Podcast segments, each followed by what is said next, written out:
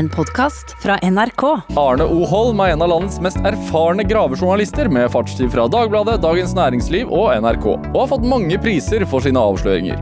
I dag er han redaktør i nettavisen High North News, og her bruker han mye av tiden sin på å reise rundt i Arktis for å fortelle historiene til menneskene som bor i nord, og han kaller seg selv en arktisk nomade. Dette er Drivkraft med Vegard Larsen i NRK P2. Arne O. Holm, velkommen til Drivkraft. Tusen hjertelig takk. Det er en ære. Ja, det er en ære å ha deg her også. Altså, jeg sier reise rundt i Arktis. Eh, hvordan vil du beskrive Arktis? Nei, altså Du eh, var jo inne på dette nomadiske. så eh, Hvis du går inn i mer vitenskapelige termer, så er det noen som setter en grense ved, ved, ved polarsirkelen. Altså de land som når nord for polarsirkelen. Eh, du har en medlemsorganisasjon av åtte arktiske stater. Du kan bruke temperaturgrenser, sier de som har en lavere temperatur enn så tilhører Arktis. For meg er det mer en, eh, en mental greie. Altså Det er disse landene og disse landskapene og disse menneskene som bor nord i verden. Ikke sant? Så det er ikke, det er ikke bare isflekken?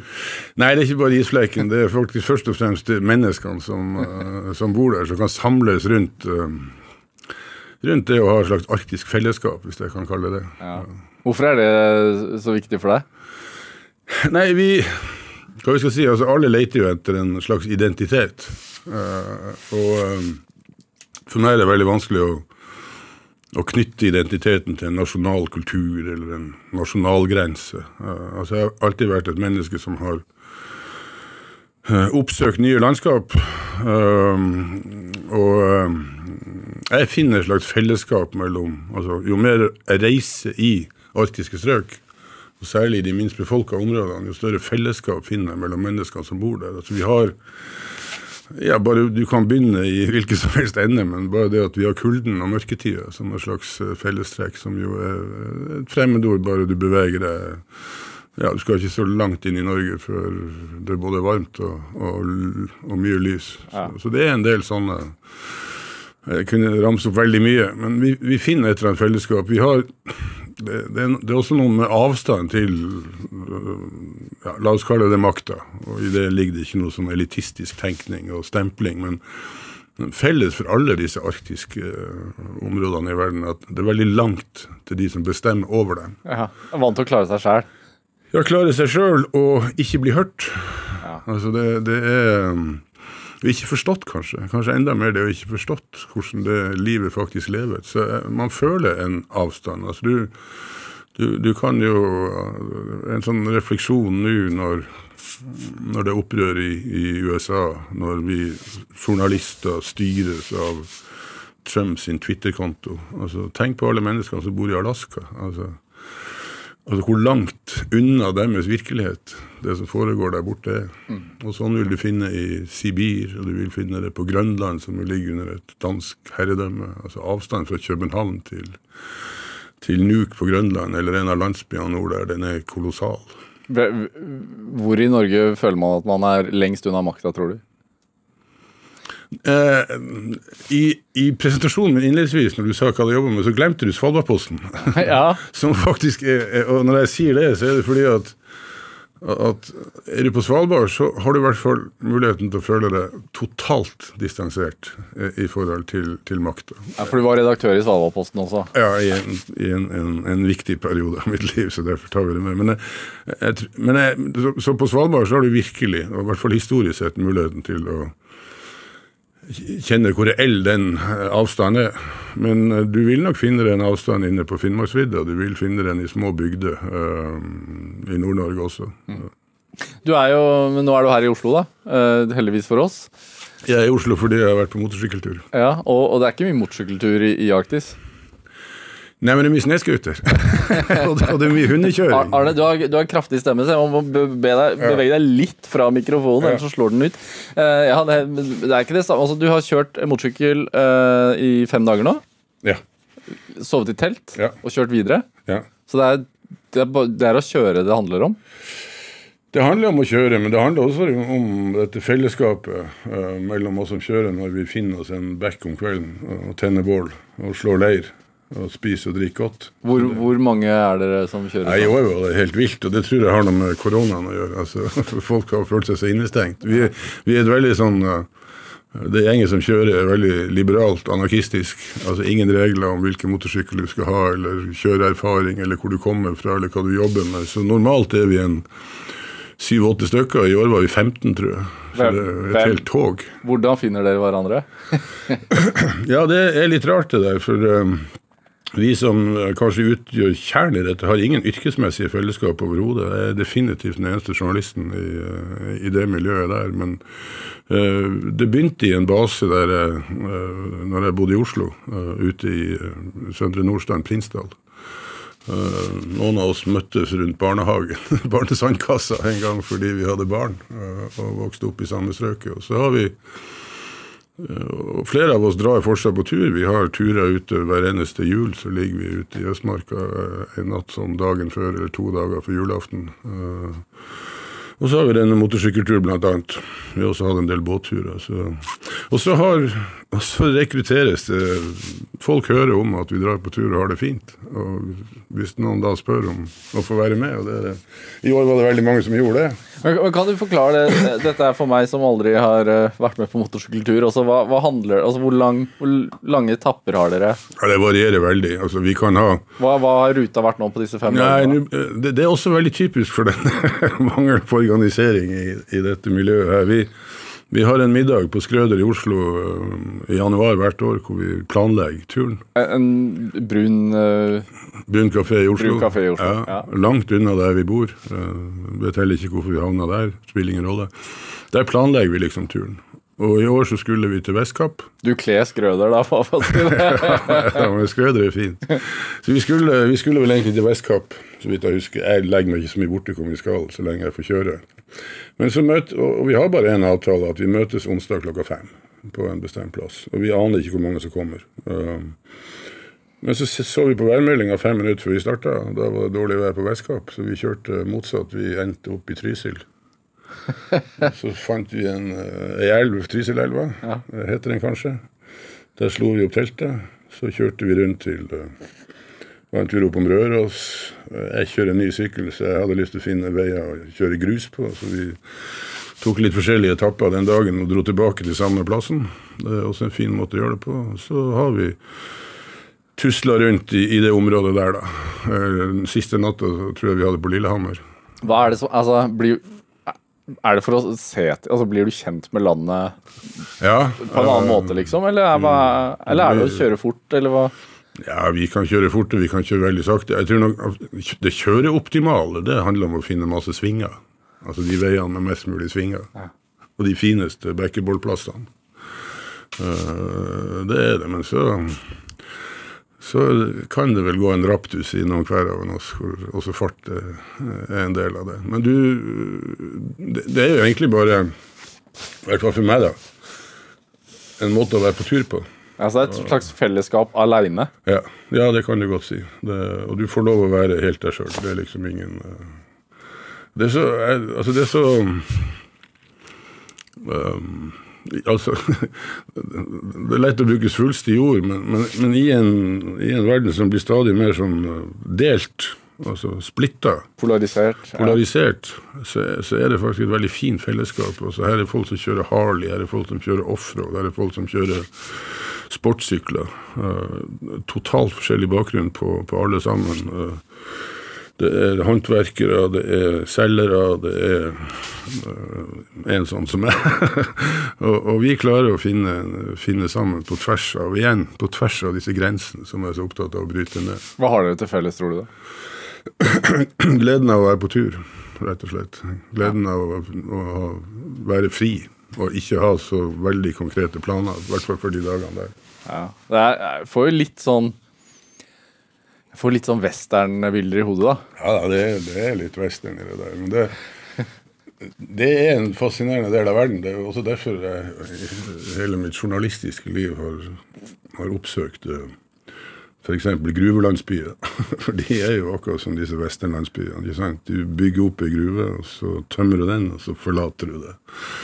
Så jeg har mange assosiasjoner til, eh, til det i hodet mitt jeg også, så det er veldig presist beskrevet. Dette er Drivkraft med Vegard Larsen i NRK P2. Og i dag er eh, journalist og, og redaktør Arno Holm her hos meg i Drivkraft på NRK P2. Eh, altså Du er ansvarlig redaktør for nettavisen High North News eh, i disse dager. Eh, som du var med å starte for seks, seks år siden? Stemmer? Ja, det stemmer. Det var vel jeg som starta den for seks år siden. Ja. Ja. Eh, hva, var, altså, hva var ambisjonene? Hva var det du tenkte? Hvorfor var det behov for en tospråklig nettavis som skriver om nordområdene? Det, det var en periode hvor, um, hvor um, jeg sjøl hadde bodd på Svalbard i mange år. Og prøvde å vende tilbake til dette, dette fastlandet. Og det falt i tid eh, sammen med ei eh, veldig satsing på nordområdene politisk. Um, og, i, eh, og, det var med den bakgrunnen jeg hadde, ei satsing som jeg ønska å delta i. Eh, og jeg sleit med å finne en journalistisk rolle. Jeg, jeg visste at jeg ville nordover igjen. Hva slags satsing er det du prater om? Nordområdesatsinga handla jo veldig mye om å Det var dels et fredsprosjekt, altså dette samholdet mellom disse åtte arktiske statene. Det var et industrielt prosjekt som handla om å skape øh, økonomisk vekst. Øh, Det var et mobilisering og identitetsbygging for i dag kan jeg si oss som bodde i nord, som hele tida hadde vært, som vi var innom tidligere, langt utafor makta.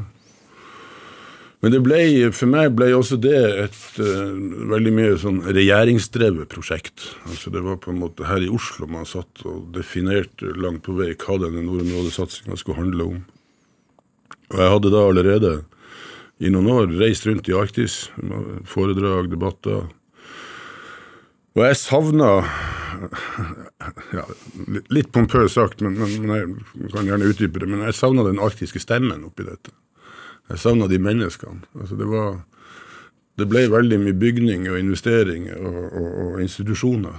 Um, um, men det å kunne Det å forsøke å lage en stemme om nord fra nord, var den viktigste ambisjonen jeg hadde.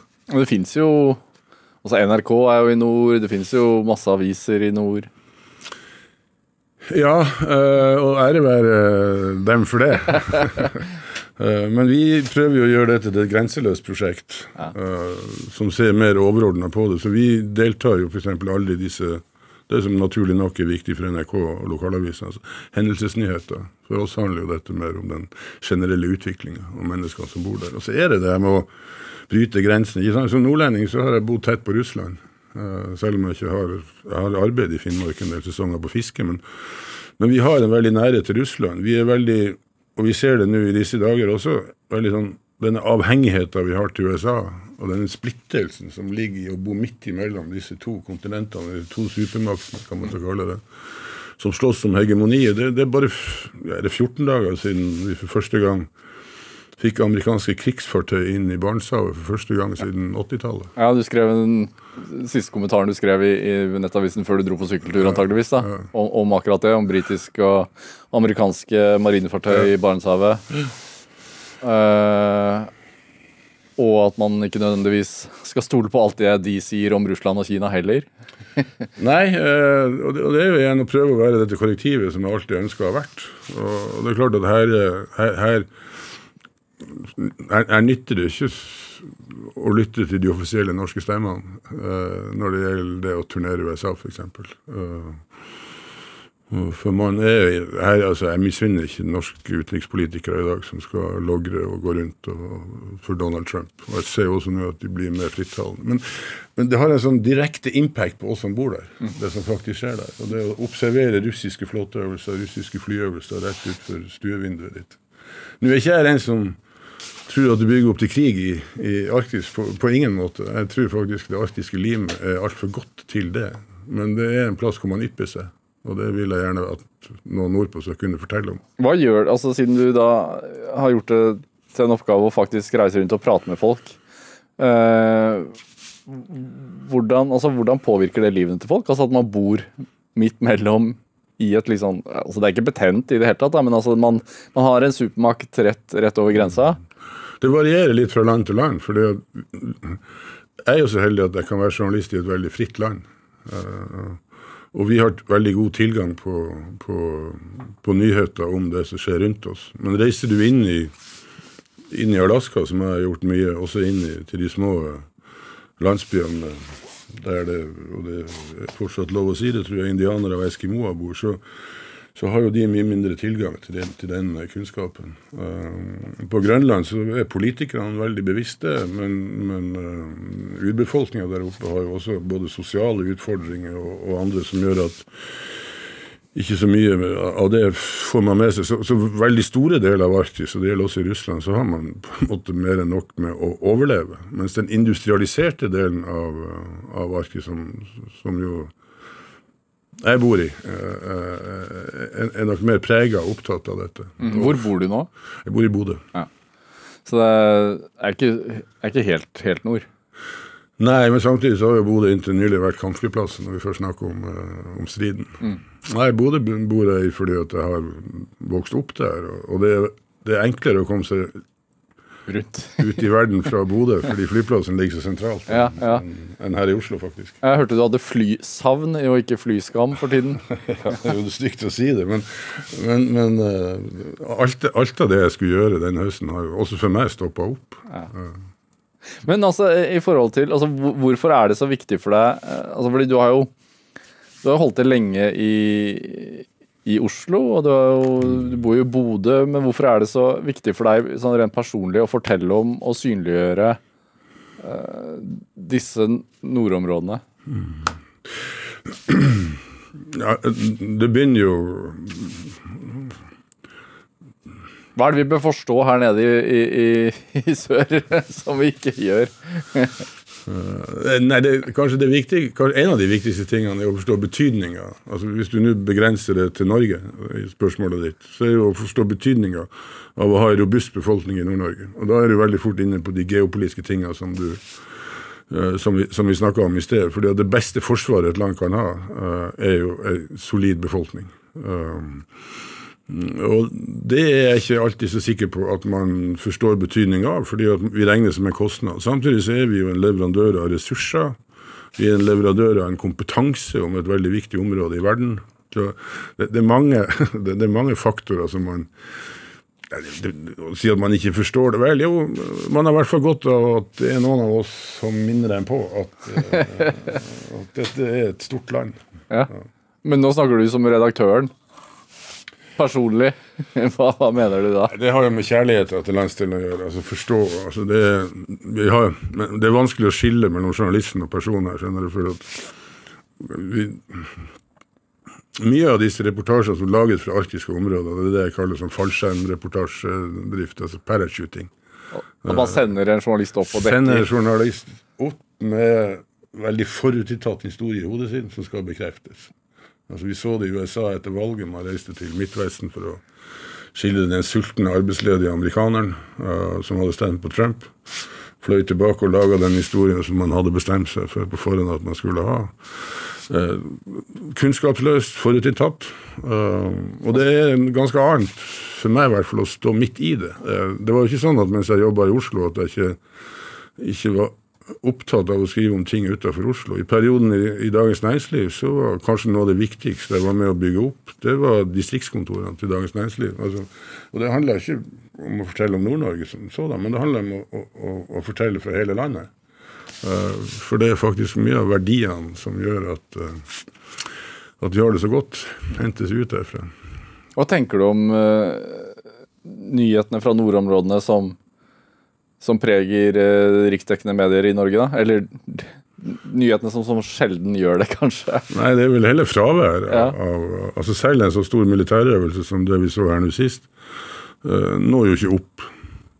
Men, men, det, men målet mitt altså, Det blir litt feil òg, fordi at min begrunnelse for å ønske å leve i Arktis altså jeg, jeg, jeg er opptatt av å formidle historien og begivenhetene i nord gjennom journalistikken, gjennom foredrag, jeg gjør det gjennom kunst, jeg gjør det gjennom bøker. Eh, Men begrunnelsen min for å gjøre det er jo ikke, det er jo ikke å si at alle andre gjør det dårlig. Altså, jeg, jeg vil heller være supplement, da. Enn, en å, å, for Utgangspunktet mitt er ikke at norsk journalistikk har oversett nordområdene uh, som sådan, men, men uh, jeg vil være en del av det, og kanskje gjøre en forskjell ved at jeg bor der sjøl, og at jeg bruker min kompetanse. og og mitt engasjement og min kjærlighet til uh, det, arktiske folk. Uh, og da blir det kanskje noen andre historier, noen andre kommentarer, enn en, en, en, du får hvis du bare følger med på nasjonale medier, i hvert fall. Mm. Hva, hva, altså Du nevner ned, altså befolkningsnedgang. Hva, hva, hva, kan man gjøre for å stoppe det, eller snu det? Det er jo et forferdelig vanskelig spørsmål, men det er et viktig spørsmål. Det, det, det, det er en rar situasjon, for dette har vi jo visst hele tida. Altså, demografi eller befolkningsstatistikk, det, er ren matematikk, det. Som man visste for 50 år siden eller 40 år siden. Hvordan hvordan det skulle gå. Det finnes selvfølgelig ikke noe enkle grep for det. Det er jo ingen, det er jo noe jeg har oppdaga i det politiske systemet. Det er ingen egentlig i det politiske systemet som har ansvar for befolkningsutvikling. Altså, og, og, det er veldig rart um, å tenke på. Og så er befolkningsutvikling uh, samtidig noe som altså Nedgangen preger jo hele Vesten. Uh, Europa blir mindre og mindre. Uh, men her har jeg, jeg har jo foreslått bl.a. å fjerne en del skatt. Altså, Jeg liker jo å lete etter de, for jeg tror det må noen store grep til. Ja. Uh, og da starter spørsmålet igjen med Fjerne nesten all skatt, mener du vel? Fjerne statsskatten, f.eks. Ja. Altså, dette har man jo prøvd i Alaska, og det virker. Uh, Svalbard har jo mye lavere skatt. og der bor det folk. Mot alle odds, egentlig. Uh, men det handler egentlig bare om å tørre å diskutere de store grepene og sette det på dagsorden. for det er, ikke noe, det er ikke noe quick fix. Men spørsmålet begynner jo der du var i sted. altså og som vi prøvde å snakke om i sted, så trenger vi folk i Nord-Norge. Og hvis vi er enige om at vi trenger det, så må vi gjøre noe for, for å beholde det. Ja. Hvis ikke så går vi altfor raskt i retning av et aldershjem. Ja. Og jeg er jo en del av det sjøl. Det er ikke så Jeg begynner å bli voksen, jeg ja. Er sentralisering en god idé? Ja, Sentralisering det tvinger seg frem fordi at du, du, du, du Skal du gjøre det attraktivt å bo i nord, så må du ha tøffe byer. Det vil du se over hele Arktis. At, at det er byene men så må du også gi rom til de som ønsker, med de konsekvensene det har, å bo mer spredtbygd. Mm. For det er god plass. Hvor trives du best selv, da? I byen, eller eh, spredt bygd langt til, langt til nærmeste nabo? Uh, nei, Det vil jo variere hva slags behov man har. Uh, Nå har, jeg jo hatt, har jeg jo hatt hjemmekontor lenge, og da har det vært fint å kunne sitte på hytta. Altså, fordi at når du er, på, når du er ute i Altså Når du først må være alene så syns jeg det er mye verre å være alene i en by enn å være alene der du skal være alene, altså på en avsidesliggende plass. Det sosiale savnet blir ikke like påtakelig. Mm. Så det, det, det, funker, det, funker, mye bedre. Longyearbyen var jo for meg et eksempel på hvor, hvordan man helt Altså veldig ideelt både mens jeg var journalist eller redaktør der, og, og, som, og som, bare mens den tida før mens jeg var turist, og etterpå mens jeg var guide, så du er altså i en ekstremt urban liten by, og så har du villmarka idet du går utafor trappa. Eh, så hvis jeg skulle henge opp noe som er idealsamfunn for meg, så må det jo være akkurat det. Altså kunne gå rett fra, rett fra en kafé og inn i eh, Men nå er jeg lite på kafé, skal jeg si. Ja. Helst med børse på scooteren, si. Mm. Dette er Drivkraft med Vegard Larsen i NRK P2. Og I dag er eh, journalist og redaktør eh, av High North News, Arno Holm, her hos meg i Drivkraft på NRK P2.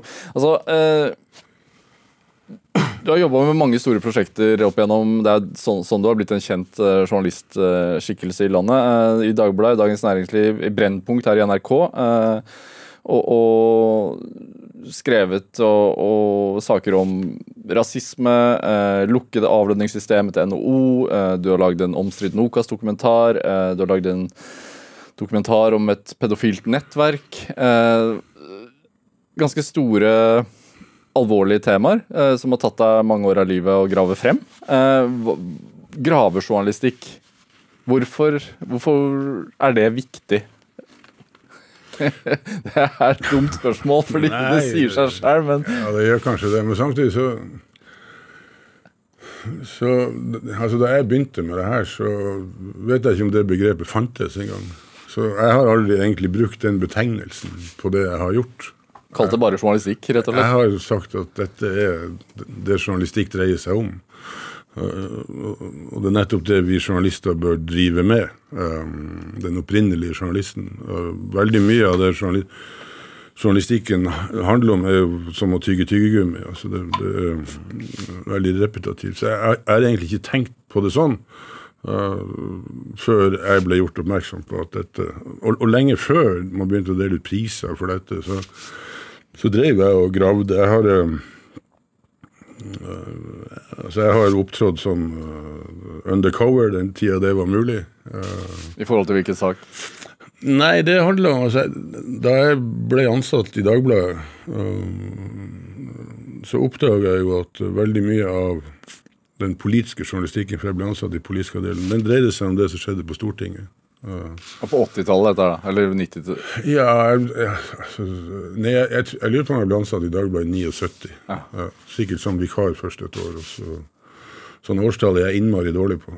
det, men da, da, da handla veldig mye av den politiske journalistikken om spillet på Stortinget. Og spillet på Stortinget det er for så vidt interessant, men det var ikke så interessant for meg. så det var det var ganske mange øh, felt eh, som la oss si staten kontrollerte, som ikke var under journalistisk overvåking. En del av de som jeg begynte å konsentrere meg om, og fikk lov til å konsentrere meg om, det var øh, statlig industri.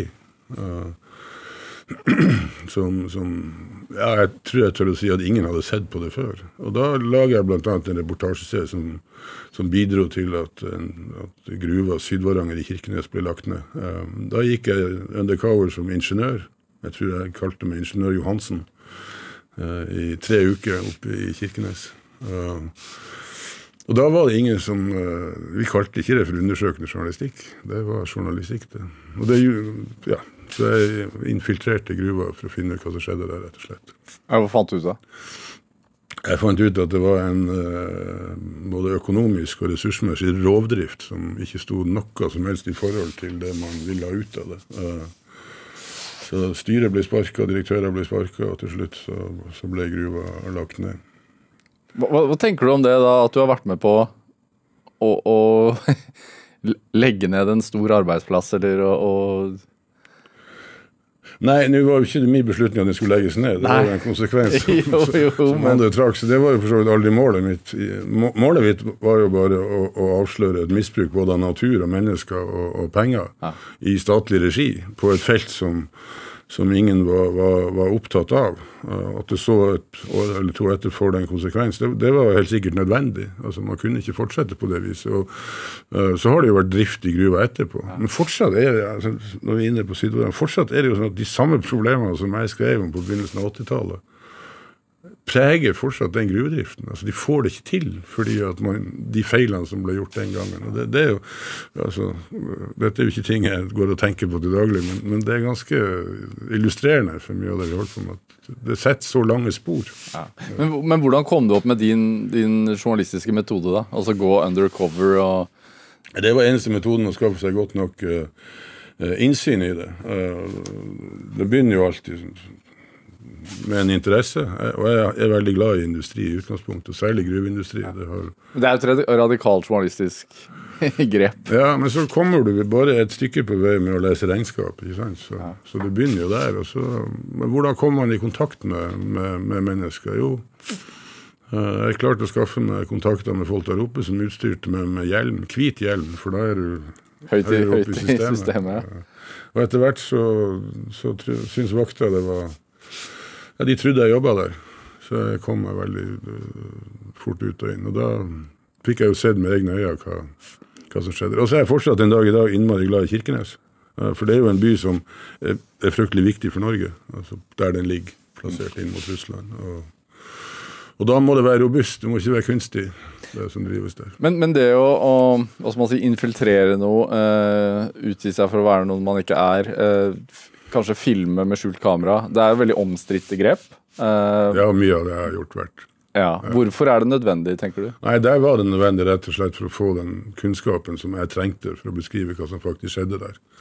Så var det heller ikke sånn den gangen, altså, Da ble det ikke delt ut priser og levert metoderapporter eh, på hvordan, hvordan vi jobba. Derfor jeg sier at for meg har ikke undersøkende journalistikk vært vært et begrep. Um, men, det, men, generelt sett så utløser det uh, store dilemmaer som jeg har vært nødt til å forholde meg til. Og det går igjen i en del av de andre sakene du òg nevnte. Uh, I et par av sakene så har jeg ikke kunnet gått under cover sjøl fordi at ansiktet mitt dessverre ble for kjent. Og da har jeg vært nødt til å uh, involvere andre i det arbeidet på mine vegne. Og det er kanskje enda vanskeligere, for da utsetter du også andre for en slags fare.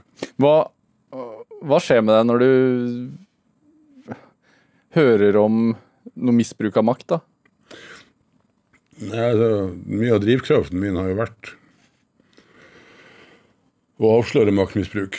Og så har ikke jeg så har det egentlig handla mye om maktmisbruk på forskjellige nivå. Det er ikke bare et maktmisbruk på toppen av staten, men det risler jo nedover. og, og, og treffer andre grupper som jeg både har jobba med ideelt og som journalist. Altså barn og, og, folk som er i utsatte posisjoner. Enten, uh, så da kan det være misbruk fra en, en trygdeetat, fra institusjoner. altså Uansett nivå. så så er vel det i den grad jeg har laga meg noe mantra for det jeg skulle gjøre, så har det jo vært å avsløre maktmisbruk. Hvorfor, hvorfor, tror du at det er så viktig for deg? Hva har vært det? Eh, fordi at uh, maktmisbruk er ikke bra. og jeg har jo Det å være journalist er jo et adgangskort som er helt unikt. Altså Du kan banke på ei dør nesten til hvem som helst, og de åpner døra for deg og sier ja. altså du viser et pressekort, og så har du tilgang på Ikke alltid de åpner døra, men Nei, det er ikke alltid. Men det finnes ingen andre yrkesgrupper med så store adgangskort inn til makta som det vi journalister har. Og da er det jo vår fordømte plikt å bruke det adgangskortet. Ja. Men hva, hvor kommer dette fra? Altså, Som ung mann, hva, hva, var det som tenkte i deg var det som fikk deg til å ta det valget i utgangspunktet og tenke at journalist, det er, det er målet, det er driven? Jeg, jeg, vet ikke om det er sånn det skjer, men jeg, jeg visste det ikke sjøl. Men mange år etter at jeg begynte som politisk journalist i Dagbladet, så ble jeg fortalt at jeg i, um, allerede i altså I andre klasse, tror jeg de har vært på videregående, uh, i en samfunnsfagtime, så hadde spurt ut i klasse, en lærer spurt ut i klasserommet hva vi skulle bli når vi ble store. og da forteller mine klassekamerater meg lenge etterpå, at, og jeg husker det ikke sjøl, at jeg rekte opp hånda og, svarte at jeg skulle bli politisk journalist. Jeg skulle bli journalist i Dagbladets politiske avdeling. Og det, det, var Altså, det stemmer nok helt sikkert, fordi at hjemme i Altså fra jeg var veldig ung, uh, så skrev jeg tunge ting. Og jeg, jeg klipte ut kronikker fra alle aviser jeg fikk tak i, og arkiverte dem under tema og system. Altså så, som ung mann? Som ung mann. altså Jeg skrev allerede som 14-åring, tror jeg, så skrev jeg uh, særoppgave på flere hundre sider om den europeiske kull- og stålunionen. Uh, og så tenkte jeg det. og altså, Jeg hadde bodd veldig lenge hjemmefra. Jeg flytta tidlig hjemmefra. hvor mor mi innstendig ba meg Kan du komme og hente dette arkivet ditt, for det tok sånn plass. Uh, så jeg var veldig systematisk. Den systematiske delen av journalistikken har vært. Men det er klart, jeg leste mye, og jeg regner meg jo fortsatt som en slags anarkist. Og, og veldig mye av inspirasjonen ble henta fra forfattere som Jens Bjørneboe og og, og, ja, også Jeg møtte i veldig ung alder en gjest vi har hatt her før, Ole Paus. Jeg, jeg tror jeg var 15 år gammel og hadde flytta på hybel og satt og drakk bøttevis med rødvin med Ole Paus. På, uh, alene på en, uh, på en kafé på Sortland i Vesterålen. Så altså, Den type mennesker inspirerte meg jo uh, veldig til å til et opprør som aldri tar slutt. ja. ja. Hvordan var det hjemme da hos deg, da? Hvordan var barndomshjemmet? Nei, det var, For det første var det jo et trygt og godt hjem. Eh, så har jeg politisk engasjerte foreldre, men jeg Bodø det også? Det var, ja, Sortland og Bodø. Ja. Vesterålen og Bodø. Uh, samtidig så tror jeg nok Eh, det var kanskje jeg som altså, Historieskrivning skal man være forsiktig med, men, men jeg inspirerte nok dem veldig til, eh, til, også å bli politisk med min måte å jobbe på. Hva er det moren og faren din gjorde da, da du var barn? Uh, mor mi var nok veldig tidlig hjemme, hun er jordmor. Uh, faren min var banksjef. Uh, han var lite hjemme, for han var en seriøs banksjef som, som stort sett var på jobb. Um, ja. Men denne rettferdig... jeg hadde en, jeg hadde en bestefar som også var banksjef. og han var den gamle typen som ville bygge samfunn. han bygde Trasta Eh, som var en, en, av de første institusjonene i Norge for psykisk utviklingshemma. Han var med og finansierte Tromsøbrua, som knytta eh, Nord-Norges største by til, til, fastlandet. Altså Han hadde sånne prosjekter, og han tok meg også veldig mye med på tur. Og så har jeg hatt en eh, Er det han du er oppkalt etter? Eller? Ja, det er han. Var, det er han. Oskar heter han. Ja. Ja, Oskar Høiersten. Så den O-en, den, den, er etter min morfar. Den fikk jeg da jeg var to år gammel. Jeg var ikke døpt, så heldigvis så la de den inn. Men Så han lærte deg på rettferdighetssans på et vis? Ja, jeg, jeg tror det. Og så tok han meg veldig mye med på tur, sånn at også den biten uh, var, en, var, en, viktig del av, av, dette. Man er jo ikke så bevisst sånn når man er ung, men det preger jo en. Hvilke turer husker du da, sammen med Oskar? Med Oskar husker jeg, Han hadde hytte et stykke utenfor Bodø, så vi 15 16 km utenfor Bodø. Så vi gikk ofte fra Bodø når jeg var på besøk hos han som barn, for da bodde jo ikke jeg i Bodø. Så gikk jo over fjellet til hytta.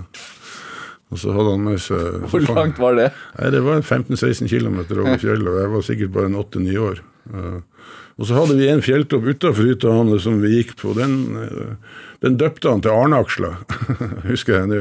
Jeg tror den heter det fortsatt. Ja, oppkalt etter meg. Men så har jeg også levd uh, men min egen familie, som også er veldig engasjert.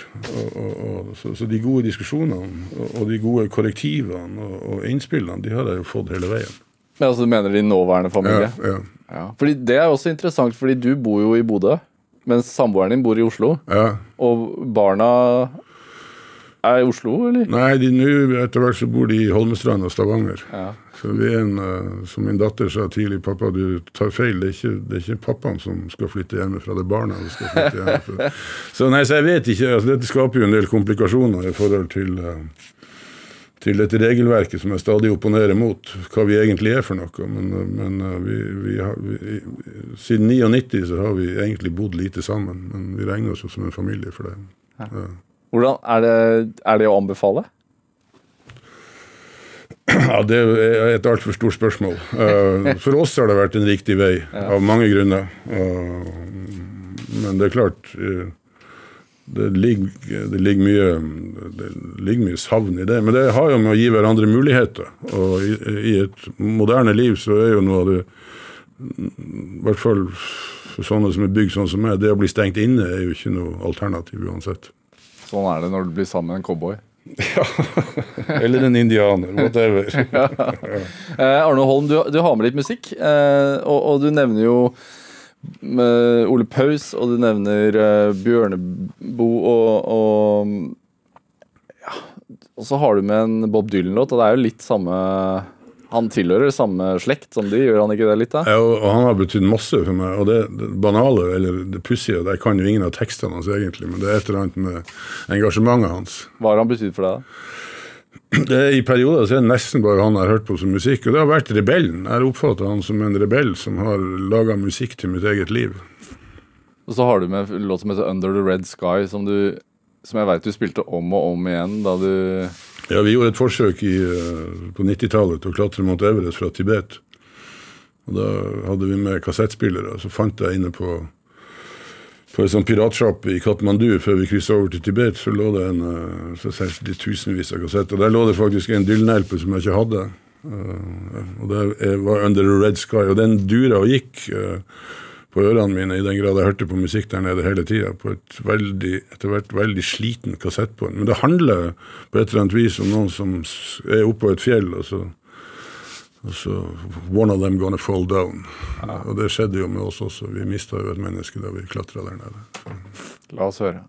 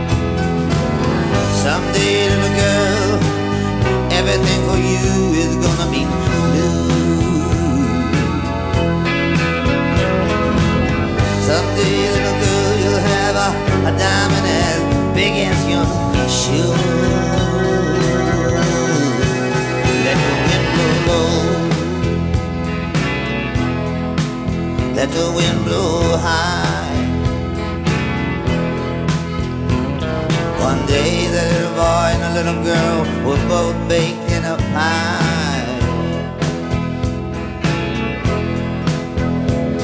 Let the wind blow low and the wind blow high. One day the little boy and little girl were baked in a pie.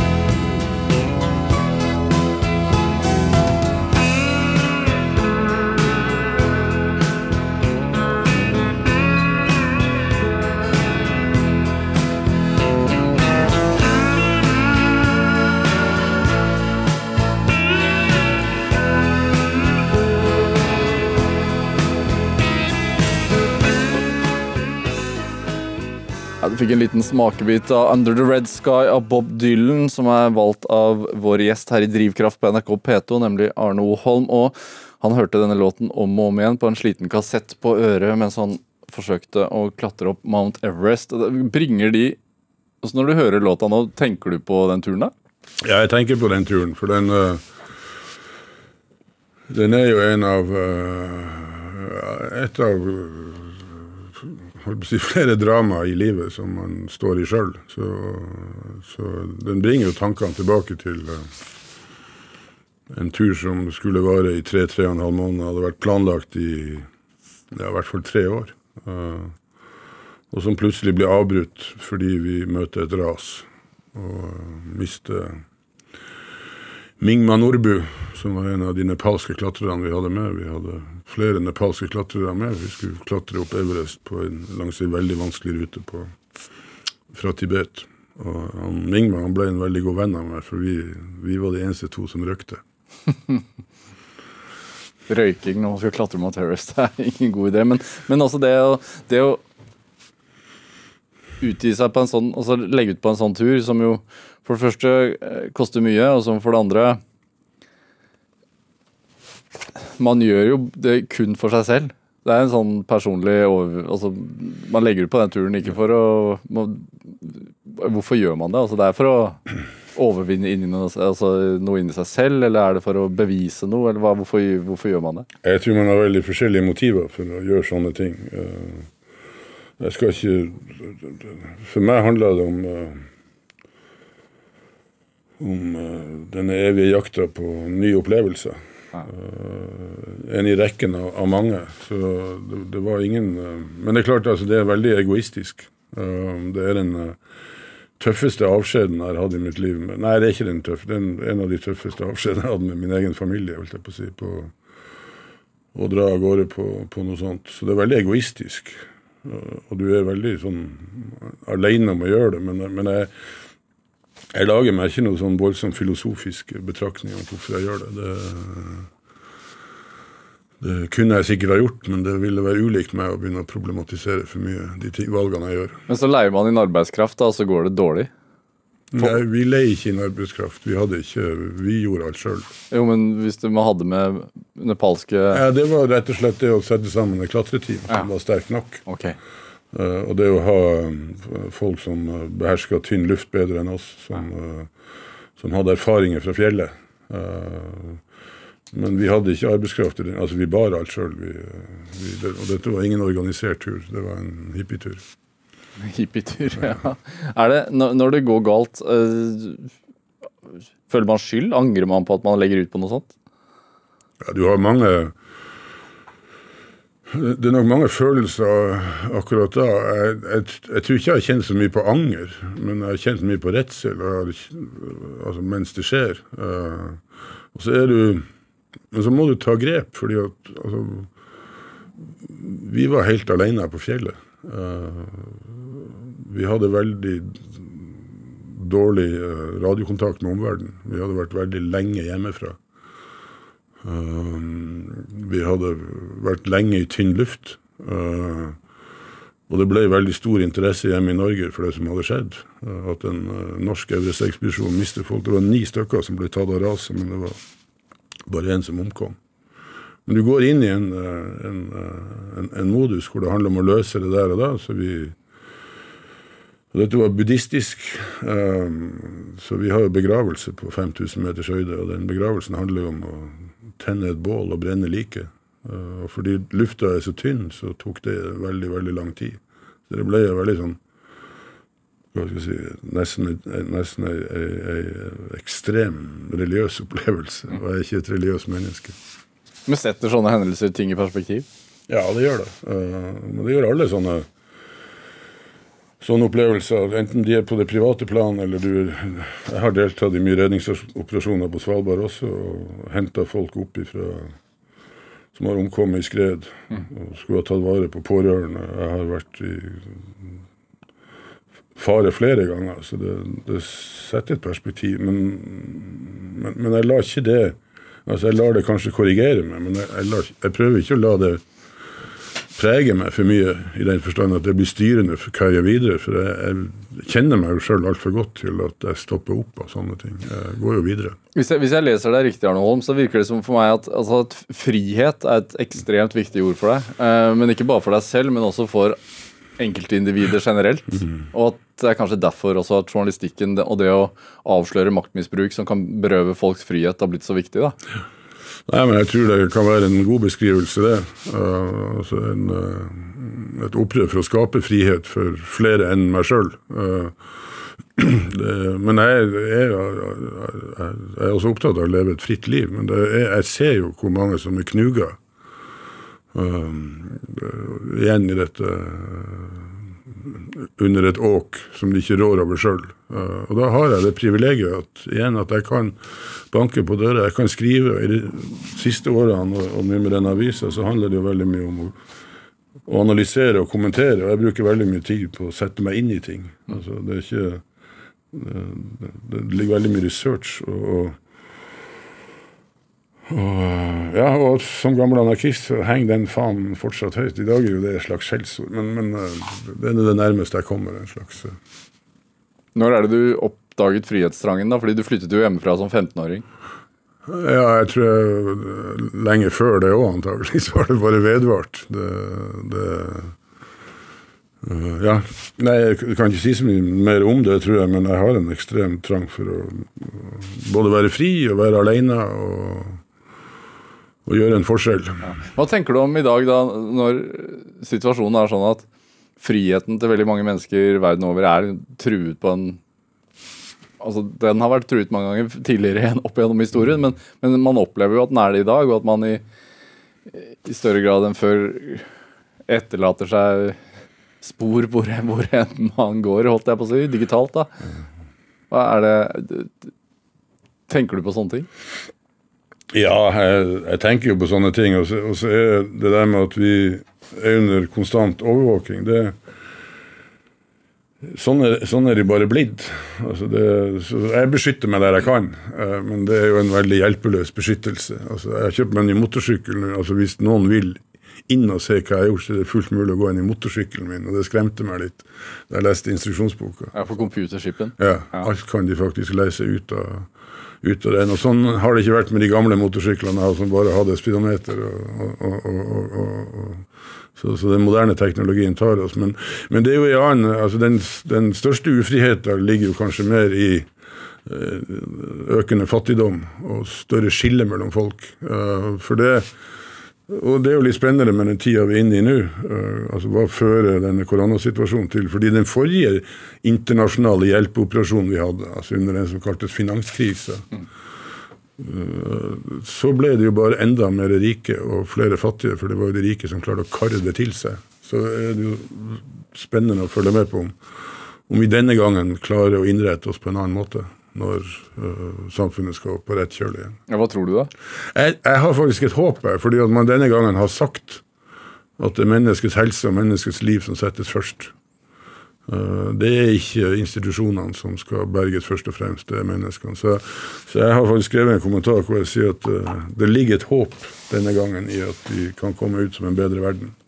Hvor, hvor viktig er, er, journalistikken oppi dette her for å Den er kjempeviktig. og og nå er jo jeg veldig nerdete i den forstand at jeg bruker vanvittig mye tid på å lese eh, nyheter og journalistikk. Og, og um, det vi ser i USA nå, uh, er jo et eksempel på hvor viktig journalistikken er. Det, da blir det litt hjelpeløst å sitte i lille Norge, egentlig. Men vi har veldig små bagateller sammenlignet med verden der ute. Ja, hvor, hvor, hva kan det føre til, tenker du, når, når man ser at Sånn som i USA, hvor pressefrihet har stått så, såpass sterkt som det har gjort. og og, og, og, at det ikke lenger gjør det? altså Journalister blir angrepet av, av, presidenten selv? Ja, vi blir angrepet fra toppen av. Men så er det der jeg igjen ser et lite håp om at det snur igjen. For, for det, det, har vært ganske imponerende å følge amerikanske medier uh, etter at Trump ble president. For da, i en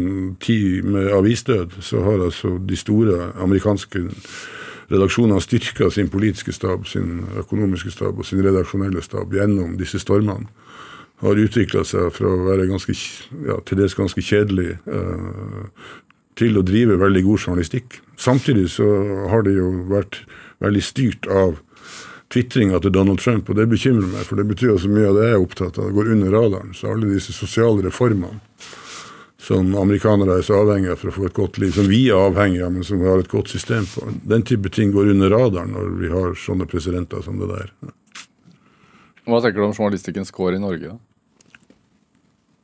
Jeg skjønner, vi, du har jo vært innom tre store redaksjoner. Ja, Ja.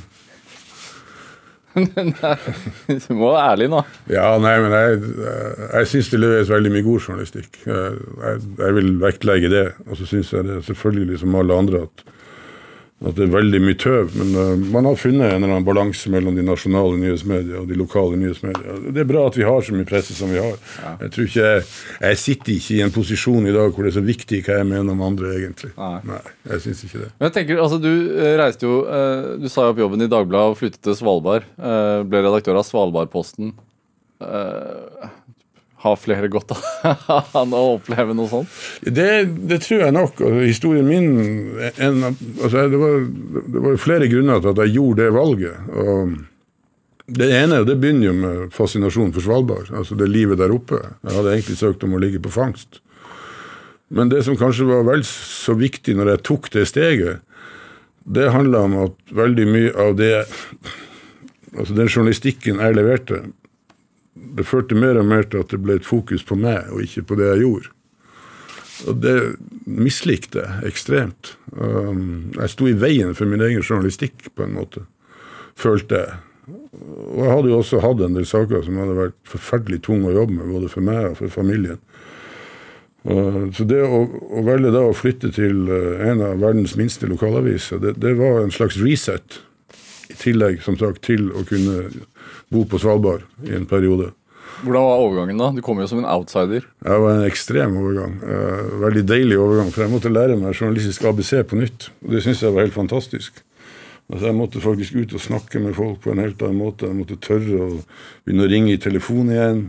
Jeg måtte dekke basarer samtidig som jeg sto midt i et sånt storpolitisk uh, spill. Uh, bodde Det var en ekstrem overgang. Og jeg hadde ingen andre ambisjoner enn å Men å gjøre en best mulig jobb og ha et godt liv. Eh, Så trampa jeg selvfølgelig veldig fort ut i store avsløringer. og Avslørte smuglinga av ja, da, til Tromsø. ja, det ble helt feil. Det var liksom ikke det som skulle være. som skulle være og det, så, så det laga en del tumult. da, Men Tabloidjournalisten kom til ja, det ble mye sånn. Det gjorde det. altså. Men for det var klart, det var veldig mange som var nysgjerrige på hvorfor jeg valgte å bryte så tvert av og, og velge meg et så totalt annerledes liv enn det jeg hadde hatt. Um, men jeg jeg kunne, altså Målet var jo også jeg, jeg kunne veldig mye om naturen på Svalbard etter hvert. Uh, det jeg ikke kunne så mye om, var jo menneskene. De som valgte å bo der. Så, jeg- så jeg, jeg fikk jo også veldig mange venner der, der oppe. Og de vennskapene du lager på sånne plasser, de er, de er veldig sterke. Hvor lang tid tok det på å bli integrert? da?